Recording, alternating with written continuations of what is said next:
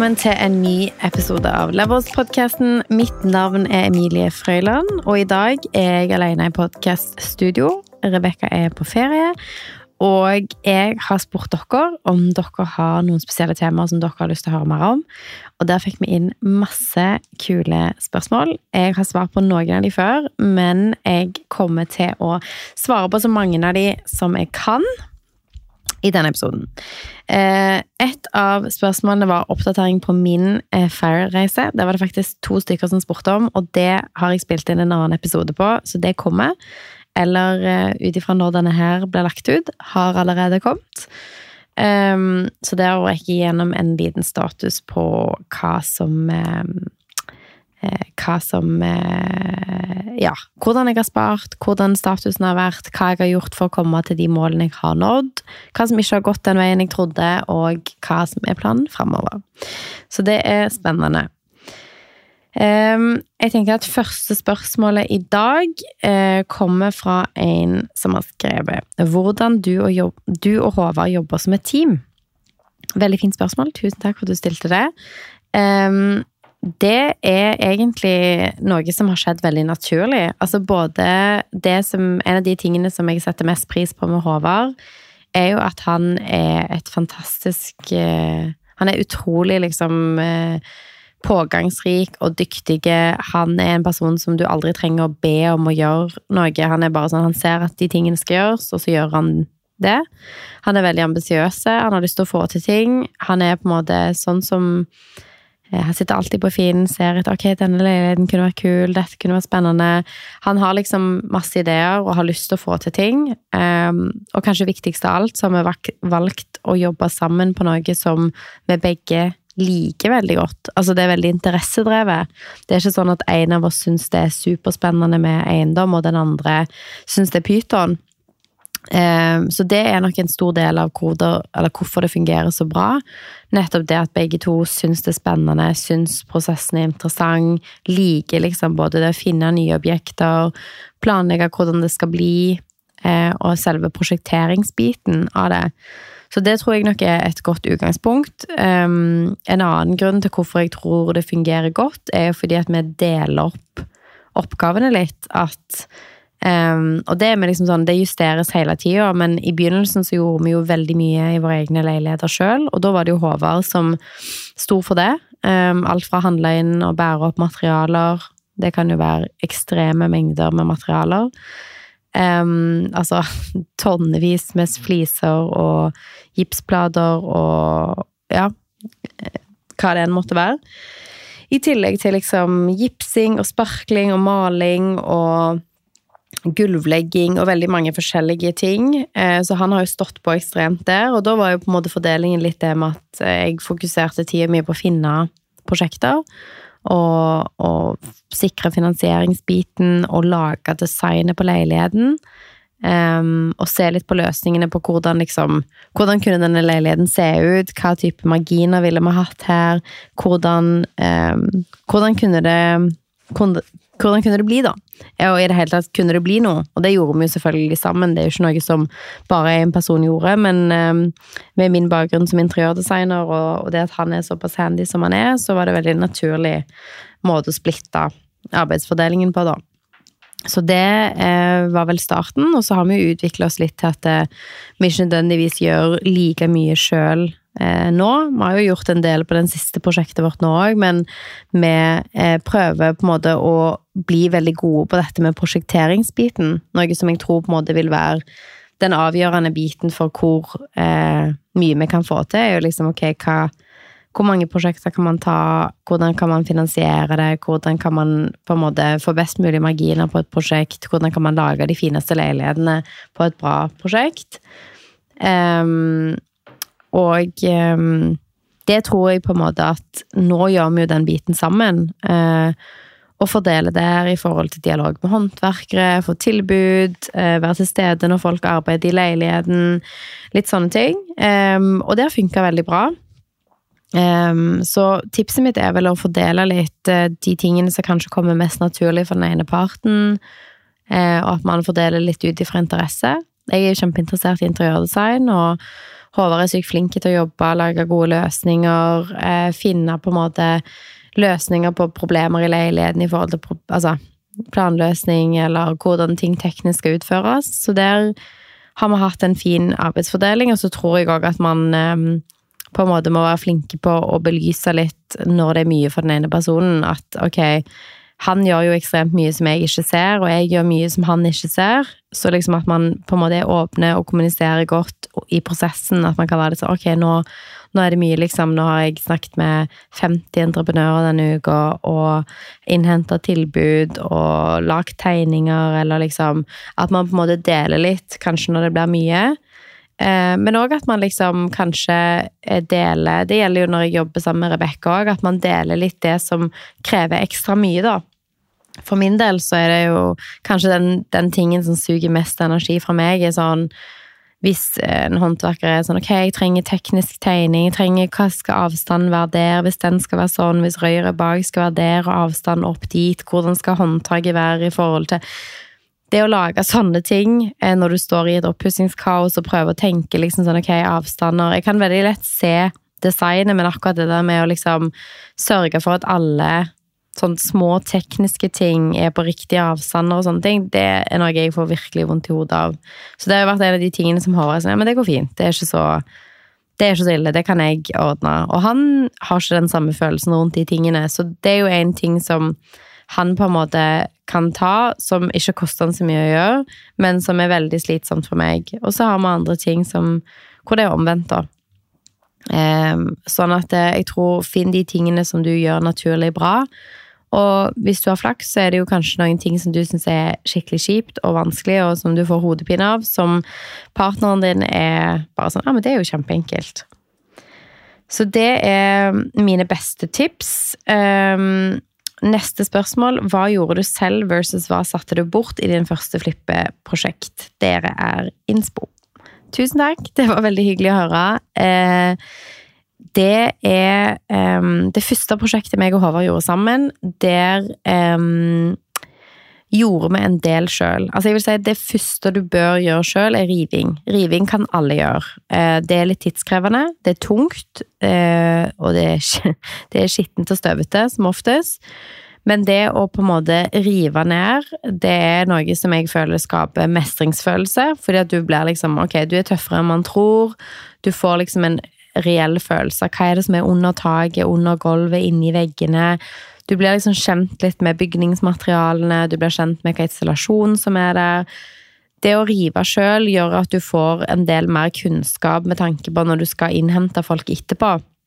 Hva installasjon har vært der før? Har det vært to lag med gips, ett lag med gips? Hvor er det mur? Hvor er det tre? Du får liksom, du blir kjent med prosjektet ditt. I tillegg så er det en ting som veldig mange av bedriftene har lyst til å slippe å gjøre òg. Eh, vi har jo vært i fjerde etasje nesten i alle leilighetene vi har jobba i. Så det er jo mye bæring, mye trapper. Um, så rivingen vil jeg definitivt si at man kan gjøre sjøl. Der kan man spare ganske mye penger.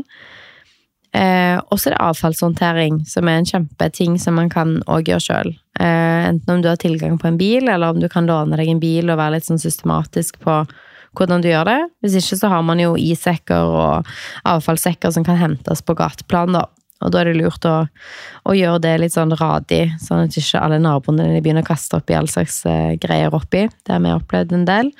Men avfallshåndtering og riving, to store ting du kan gjøre sjøl. Så vil jeg si at innkjøp Altså innkjøp på materialer er en stor greie. Fordi både eh, baderom og Eh, kanskje andre ting òg, eh, om det er kjøkken eller sånn, så er det jo ofte at eh, de som skal gjøre det arbeidet, tilbyr seg å handle inn materiell.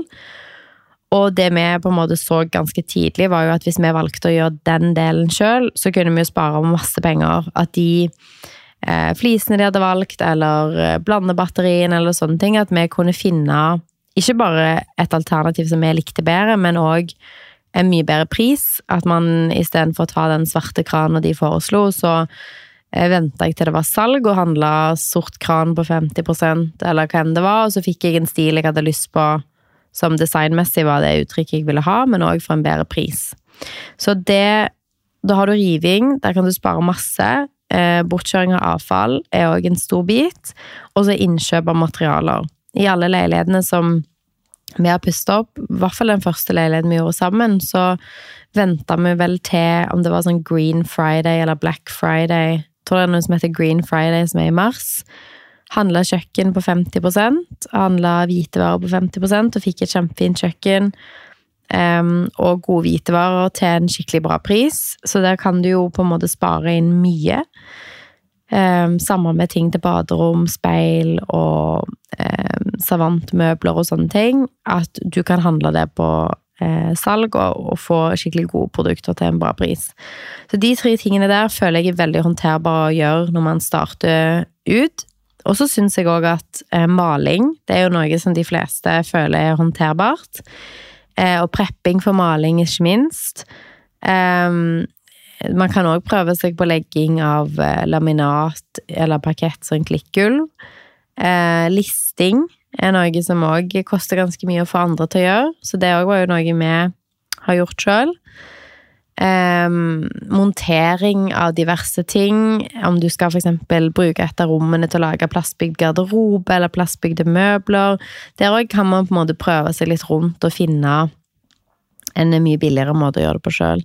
Så tenk, hvis du starter med de tingene der, så har du en kjempe eh, kjempeutgangspunkt. Da har du spart mye på arbeid du ikke trenger å gjøre. Og så har du spart mye på innkjøpene dine, og ikke minst på dette med å få vekk avfall. For det er det mye av eh, på en oppussingsplass eller et objekt. Så det er en god start. Um, neste spørsmål. Bør man kjøpe utleieleilighet før man kjøper egen leilighet? Altså, eh, det gjorde ikke jeg, ehm, men vi har hatt folk på podkasten her som har gjort det. Blant annet ehm, Morten. Han var med i en episode. Han har bygd seg opp en vanvittig eiendomsportefølje på kort tid. Og han kjøpte vel et utleieobjekt når han var student og leide, og bodde i Trondheim, tror jeg. Så det er definitivt mulig. Ehm, jeg vet at folk som f.eks. har studert i utlandet, hvor de ikke har hatt mulighet til å kjøpe, har kjøpt hjemme der de er fra, og leid ut mens de er studenter. Um, et annet alternativ er jo hvis du f.eks. studerer i Oslo eller bor i Oslo, eh, hvor det er dyrt å kjøpe seg inn på markedet, men som f.eks. som meg, da, som er fra Stavanger, eh, hvor det er relativt billig å komme seg inn på boligmarkedet, så kunne jo Det var jo òg noe jeg avveide før jeg kjøpte min første bolig, var at ok, hvis hvis boligprisene fortsetter å stige, og den toårsplanen som jeg hadde satt meg i forhold til å spare egenkapital, hele tiden på en måte taper mot prisutviklingen i markedet, så vurderte jeg at jeg kjøper en leilighet i Stavanger som jeg kan leie ut og bygge egenkapital på, mens jeg leier i Oslo.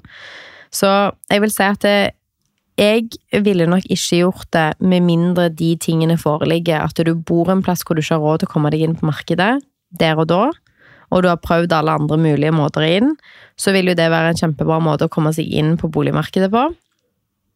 Eh, jeg var faktisk hos frisøren for ikke så lenge siden, og frisøren min fortalte at hun hadde gjort et kjempekult eh, kjøp. Hun hadde kjøpt eh, var tvangssalg eller noe sånt i Stavanger. Og um, pussa opp og bare skikkelig lagt inn støtet, gjort den dritfin. Og det er liksom hennes nøkkel nå til å kunne kjøpe i Oslo. Så fordi at hun gjorde et godt kjøp der hun er fra, pussa opp og gjorde den dritbra, så kan hun plutselig kjøpe i der hun bor, altså i Oslo, noe som hun ikke hadde hatt muligheten til hvis ikke. Så det er en veldig kul måte å komme seg inn.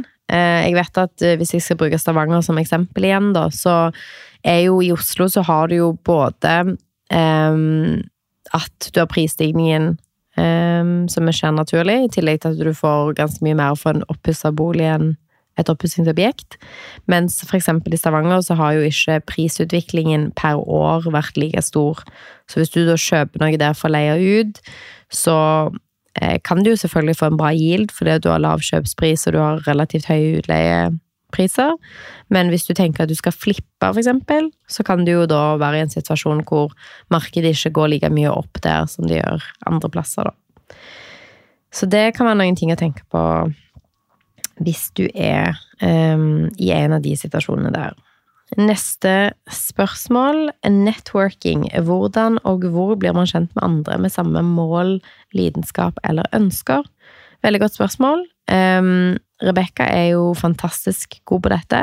Hun har jo brukt networking for å få inn sine første kunder og lagd seg et stort bransjenettverk. Um, jeg tror en av de viktigste tingene med nettverk er på en måte å eh, søke ut plasser hvor det er folk som er interessert i de samme tingene. Om det er liksom eksempel Si at man er interessert i økonomisk uavhengighet, da. Så er det masse kule Facebook-grupper eh, med folk som er interessert i det samme. Det er meetups. Hvis du er interessert i eiendom, så har jo blant annet Fastighetsprinsen hadde et kjempekult eiendomsevent som jeg var på, her i Oslo. Um, og det er masse andre eh, eiendomsrelaterte arrangementer. Hvis du er interessert i gründerting, så er det gründergrupper med meetups. Så prøv å liksom finne de tingene som du er interessert i, og som du har lyst til å bygge et nettverk på. Hvis ikke, ta også kontakt med folk. Altså, vi har jo denne podkasten her, og jeg vil jo si at um, eh, bare det å på en måte sende folk en melding som bare sånn Hei, syns du det du holder på med er dritkult? Vi har en podkast om dette. Har du lyst til å snakke om det eller møtes? Eh, og det trenger man ikke ha en podkast for å gjøre. Vi har jo fått masse meldinger med også, av folk som bare Hei, jeg driver med business, jeg holder på sånn og sånn. Eh, interessert i mye av de samme tingene, har lyst til å ta en kaffe. Og møtes og, og snakkes og så der kan det jo på en måte være veldig mange kule muligheter til å møte folk. Så jeg vil si prøv å komme litt ut av din egen komfortsone og prøve å på en måte um, Send en melding til de du har lyst til å møte som er interessert i de samme tingene som deg. Meld deg inn i grupper som er relevant for de tingene du har lyst til å bygge et nettverk innenfor. Det lærer man mye av, og så kommer man i kontakt med folk som, um, som liker de samme tingene som deg. Eh, og så tror jeg at eh, når man er i en sånn network-setting, så tror jeg man bare må tenke at veldig mange er der for samme grunn. Man har lyst til å bli kjent med folk, man har samme interesse. Um, og at man på en måte ikke være redd for å snakke med nye folk, og rett og slett bare tenke at alle er der fordi at de er interessert i noe som du er veldig interessert i. Det er som oftest en veldig god inngang til, til gode samtaler. Neste spørsmål. Markedsføring og salg. Eh, hva er strategier dere bruker og liker nå? Det er veldig varierende. Altså, vi har vært heldige sånn sett med tanke på at vi har hatt veldig mye av kundene våre basert på um, rett og slett bare word of mouth og fornøyde kunder. Som er kjempe Det er jo en kjempeluksussituasjon å være i. Um, med um, så det er en god strategi. Det er jo liksom når du får inn kunder, lever bra, følg de opp. Send liksom ut en melding etterpå og sånn 'Nei, hvordan var dette her?' Liksom, jeg vil gjerne ha tilbakemelding. Bruk den tilbakemeldingen på nettsiden din, på Instagram, eh, til andre kunder hvis du er i anbudsprosess. Um, fordi det er ingenting som på en måte får inn nye kunder mer enn fornøyde kunder. Så er det jo òg mye dyrere å få nye kunder enn eh, å beholde gode kunder. Eh, hvis ikke så har vi òg prøvd litt eh, på en måte sosiale mediemarkedsføring i forhold til liksom å ha annonser som kjøres på en ukentlig basis på f.eks. Facebook eller Instagram. Det har variert Altså variert, egentlig, hvordan det funker. Um, så jeg vil jo absolutt si at det med det er jo òg en luksussituasjon å være i, at man ikke nødvendigvis har trengt å markedsført. At man har mye kunder, og fornøyde kunder.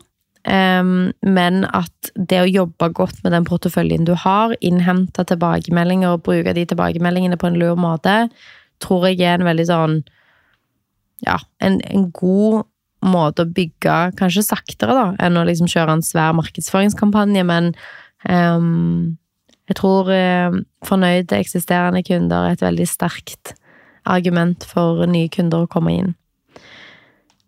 Um, strategien vår har vel egentlig vært litt bundet i det. At det har vært nettverksbasert, og det har vært basert på de kundene man har i porteføljen fra før av.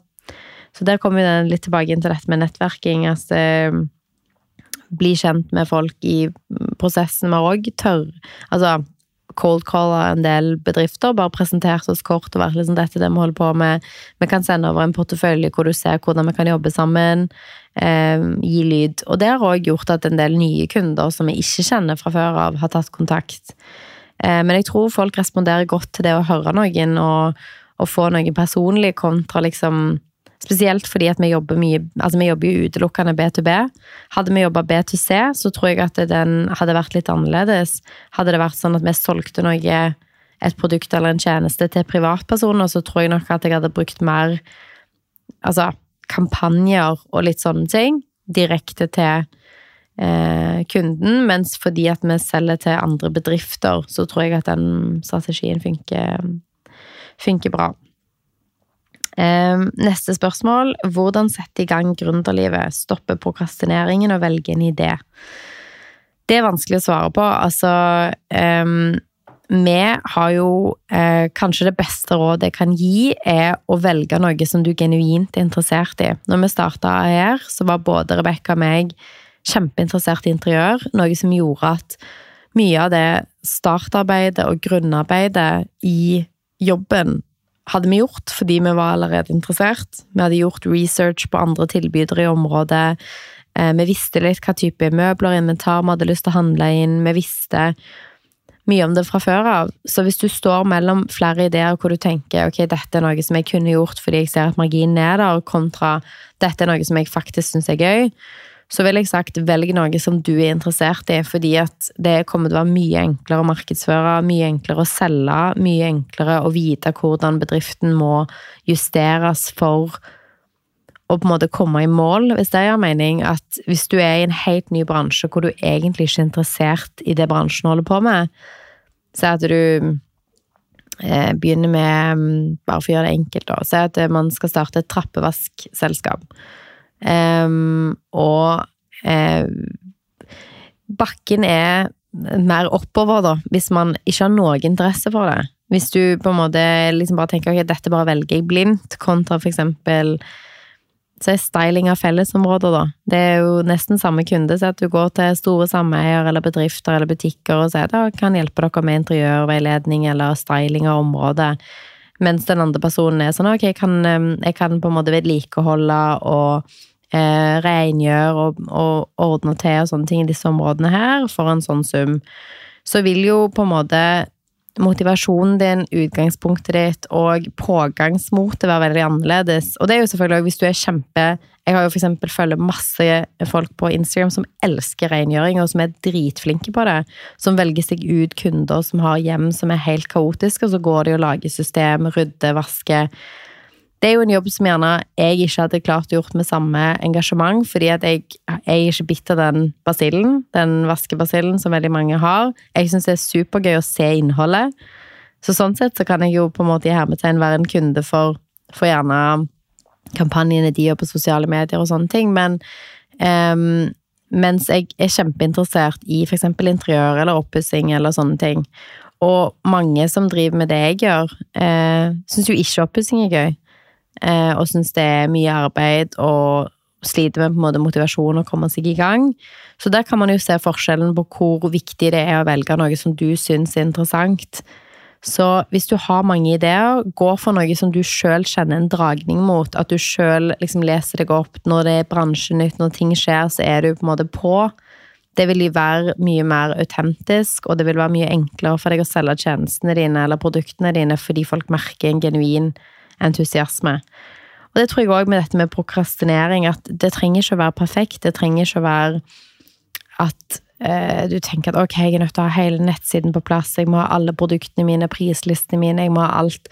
Det trenger ikke å være sånn. Prøv å begynne litt i det små. Test ut. Bruk liksom de første kundene dine på å teste hva funker, hva funker ikke.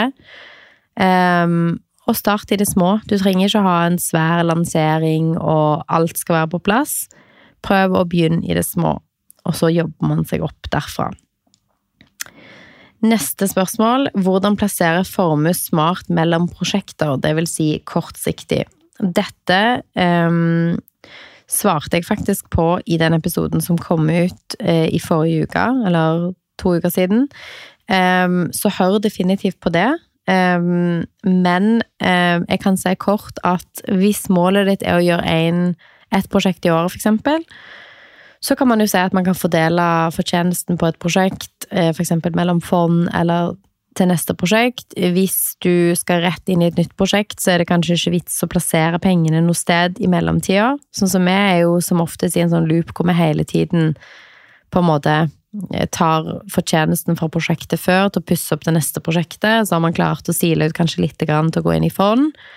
Eh, men hvis du f.eks. skal gjøre en sånn en, ett prosjekt i året, flytte hvert år, så lønner det seg jo at man på en måte, i hvert fall hvis renten ikke er veldig høye, at du tar ut noe av det du gjerne har brukt for å pusse opp prosjektet, og setter deler av det f.eks. i indeksfond.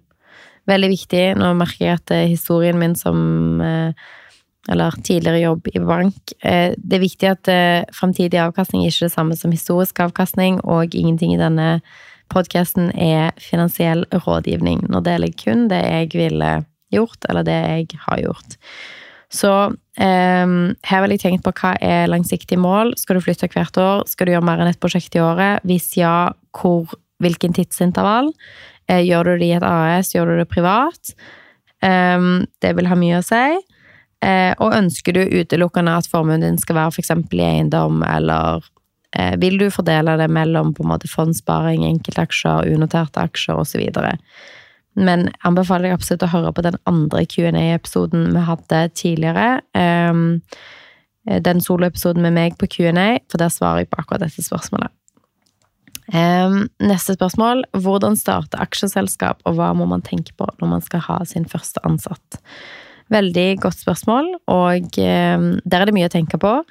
Uh, I forhold til hvordan man starter et aksjeselskap, så må du jo gjøre en del eh, eh, kan man si, papirarbeid. Eh, og en av de tingene er jo å registrere seg i Brønnøysundregisteret. Og opprette selvfølgelig bedriftskontoer og eh, litt sånne forskjellige ting. Eh, jeg ville egentlig der prøvd å bare søke hvordan starte aksjeselskap. Eh, hvis du har en regnskapsfører som du har brukt, seg at du har hatt f.eks. et enkeltmannsforetak eh, tidligere, eller at du har um, ja, du kan òg be om hjelp hvis du er usikker på ting. Du kan be om, sånn som for oss, når vi har starta nye prosjekter, så har eh, våre regnskapsførere hjulpet oss veldig i starten, før vi på en måte visste hva vi gjorde sjøl. Så hvis du har noen du kan rådføre deg med på det, så anbefaler jeg deg å, å få litt hjelp. Eh, til det. Det å starte et aksjeselskap er ikke sånn kjempekomplekst, men man kan jo ha en del spørsmål. Jeg tror det jeg ville sagt eh, med det, er f.eks. en ting vi gjorde feil på når vi starta aksjeselskap, var jo at vi kanskje ikke tok høyde for at vi har lyst til å starte flere eh, i framtiden. Men at eh, Så det med f.eks. holdingselskap som eier AS-et ditt, sånn at du kan veldig fritt framover i tid ha flere selskap som eies av samme selskap, det er jo ting som vi ikke tenkte på eh, når vi starta første gang, som jeg skulle ønske at eh, vi tenkte på.